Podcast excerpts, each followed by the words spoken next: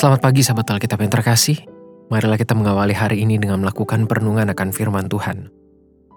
Bacaan Alkitab kita pada hari ini berasal dari kitab kisah para rasul pasalnya keempat, ayat 15 sampai 22. Dan setelah mereka menyuruh rasul-rasul itu meninggalkan ruang sidang, berundinglah mereka. Dan berkata, tindakan apakah yang harus kita ambil terhadap orang-orang ini? Sebab telah nyata kepada semua penduduk Yerusalem bahwa mereka telah mengadakan suatu mujizat yang menyolok dan kita tidak dapat menyangkalnya. Tetapi supaya hal itu jangan makin luas tersiar di antara orang banyak, baiklah kita mengancam dan melarang mereka supaya mereka jangan berbicara lagi dengan siapa pun dalam nama itu. Dan setelah keduanya disuruh masuk, mereka diperintahkan supaya sama sekali jangan berbicara atau mengajar lagi dalam nama Yesus. Tetapi Petrus dan Yohanes menjawab mereka, Silakan kamu putuskan sendiri, manakah yang benar di hadapan Allah taat kepada kamu atau taat kepada Allah. Sebab tidak mungkin bagi kami untuk tidak berkata-kata tentang apa yang telah kami lihat dan yang telah kami dengar. Mereka semakin keras mengancam rasul-rasul itu tetapi akhirnya melepaskan mereka juga. Sebab sidang tidak melihat jalan untuk menghukum mereka karena takut akan orang banyak yang memuliakan nama Allah berhubung dengan apa yang telah terjadi. Sebab orang yang disembuhkan oleh mujizat itu sudah lebih dari 40 tahun umurnya.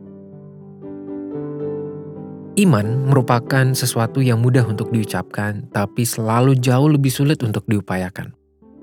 Apakah Anda setuju dengan kalimat barusan? Setiap orang tentu memiliki pengalaman dan pemahamannya masing-masing terkait arti dari hidup beriman. Meski demikian, tetap tidak dapat ditampik bahwa kondisi hidup yang tidak mudah untuk dihadapi selalu memberikan tantangan tersendiri dalam menjalani hidup beriman. Hal ini termasuk segala peristiwa atau situasi hidup yang memaksa kita untuk mengesampingkan iman dari perhatian utama. Hal ini pula yang muncul pada kisah Rasul 4 ayat 15 sampai 22. Firman Tuhan pada hari ini telah mengajarkan kita bahwa mengutarakan iman membutuhkan upaya yang persisten, secara khusus ketika menghadapi banyaknya tekanan. Pengalaman Petrus dan Yohanes di hadapan persidangan agama telah menunjukkan betapa pentingnya iman yang persisten tersebut. Mereka dipaksa untuk menutup identitas sebagai pengikut Kristus karena ketakutan yang dialami oleh para pemuka agama Yahudi pada masa itu. Namun Petrus dan Yohanes tetap mempertahankan imannya, meski tekanan yang mereka dapatkan juga semakin tinggi.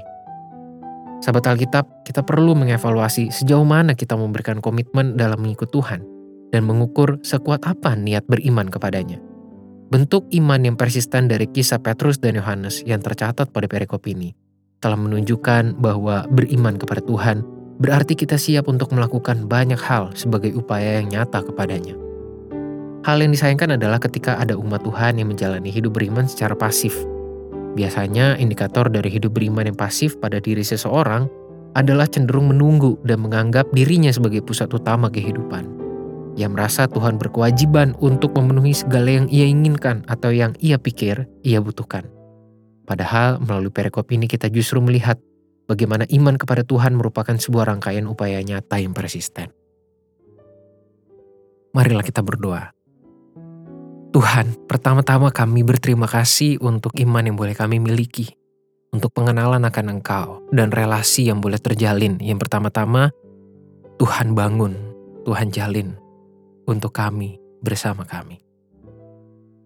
Namun kami juga sadar Tuhan bahwa beriman bukan hanya sekadar kata-kata, tetapi juga membutuhkan upaya nyata dari kami. Banyak kondisi hidup yang kami hadapi yang membuat iman menjadi semakin atau terlalu sulit untuk kami terima dan kami pertahankan. Tapi tolonglah kami, hanya dalam bimbingan roh kudusmu lah kami mampu untuk terus bertumbuh dengan dan di dalam iman kepada Tuhan. Hanya dalam nama Tuhan Yesus kami berdoa dan mohon. Amin.